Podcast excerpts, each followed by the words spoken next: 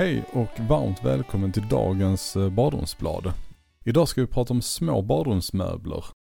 Små badrumsmöbler är ofta en möbeltyp som förbises av många producenter, men är inte mindre viktig för det. Vi är många som har små badrum där man inte riktigt får plats med de där stora fina möblerna med mycket förvaring och avställningsytor. Och då får man istället vända blickarna mot den ofta ganska magra avdelningen för småmöbler. Vad är en liten badrumsmöbel? En liten badrumsmöbel är inte mindre värd bara för att den är just det, liten. Eller, den kostar ju mindre normalt sett, men den har ju samma funktion som en större möbel. Utan en badrumsmöbel har man inget tvättställ, tvättställsblandare eller förvaring till toapappersrullarna. Eh, små badrumsmöbler används ofta i mindre badrum, gästtoaletter, sommarstugor, tiny houses och så vidare. Och det är ofta på platser där man inte kan eller vill lägga lika mycket pengar som på en permanent stor möbel till huvudbadrummet. Vad jag vet finns ingen särskild standard för hur stor en liten badrumsmöbel ska vara, mer än att den är mindre än en standardmöbel.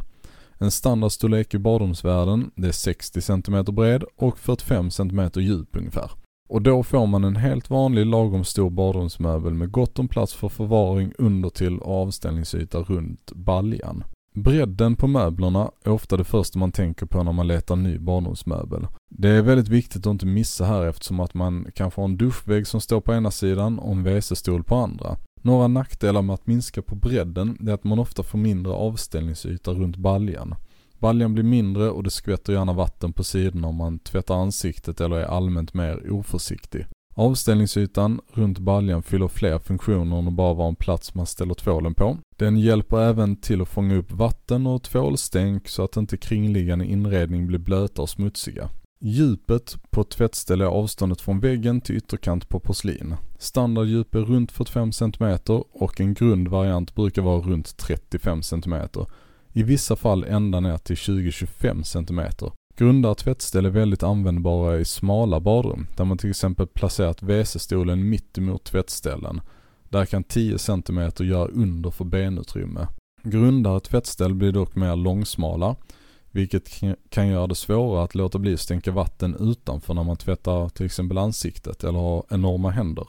Det kan också bli trångt att få plats med en blandare på det vanliga stället, centrerat i bakkant på tvättstället. Då har vissa tillverkare valt att flytta blandaren till ena sidan för att på så sätt lämna mer fritt utrymme över baljan. När det gäller kvalitet och hållbarhet så är den mest uppenbara nackdelen med ett grunt tvättställ gentemot fullstora diton är att det är lättare att råka stänka vatten utanför. På kommoden och på kringliggande möbler och på sig själv.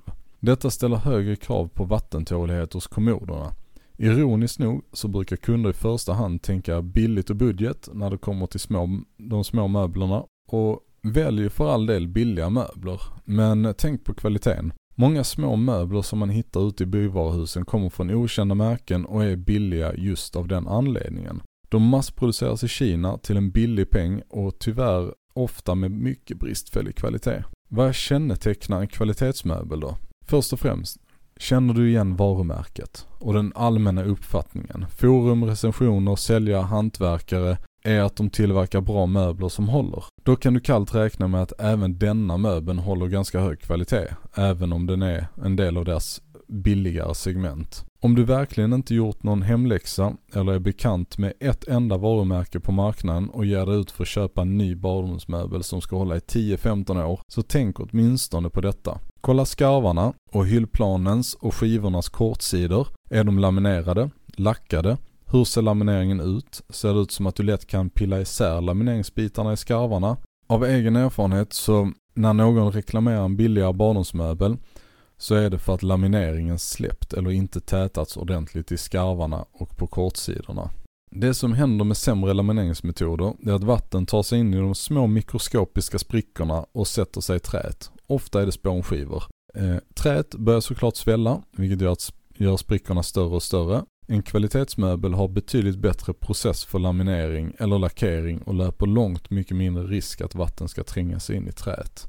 Kvalitetsmöbler tenderar även vara laminerade och lackade på alla sidor, vilket inte är fallet för alla billiga varianter. När det gäller placering och layout så är ju varje badrum unikt, vilket gör det svårt att ge några generella tips och råd kring detta. Det finns dock ett par saker som kan vara bra att ha i åtanke när man väljer vilken badrumsmöbel man vill ha. Vad den ska vara och hur den ska vara utformad. I stora öppna badrum spelar det ofta mindre roll var man placerar mina möbler. De stora ytorna gör att det är lättare att röra sig in i badrummet även om man är flera stycken. I mindre badrum däremot kan det bli knepigt om man placerar saker på fel ställen. Principen om hur ofta saker används. Badrummet bör vara utformat efter hur mycket de olika sakerna används. Man sätter normalt inte duschen eller badkaret precis innanför dörren och tvättstället längst in i hörnan. Tvättstället är det som används absolut mest i ett badrum och bör därmed vara placerat direkt innanför dörren. Tvättstället ska vara lätt att komma åt både om man bara behöver tvätta händerna snabbt och så att det är sista stationen i badrummet efter att man har varit på toaletten. En annan viktig detalj som lätt glöms bort i små badrum, det är att placera sakerna efter hur vattentåliga de är. Det glöms lätt bort när man planerar det lilla badrummet eftersom det är redan så mycket att tänka på, men är inte desto mindre viktigt. Den mest känsliga badrumsdetaljen i badrummet, det är ofta tvättmaskinen. Den bör därför placeras så skyddat som möjligt från duschen, alternativt med en ordentlig duschvägg mellan duschhörnan och maskinen. Detsamma gäller för en kommod om enda lösningen är att sätta kommoden strax in till duschen, se till att du väljer en kommod av bättre kvalitet och sätt en duschvägg emellan för extra skydd. Toalettstolen är den minst känsliga möbeln, så den kan med fördel placeras strax in till duschen.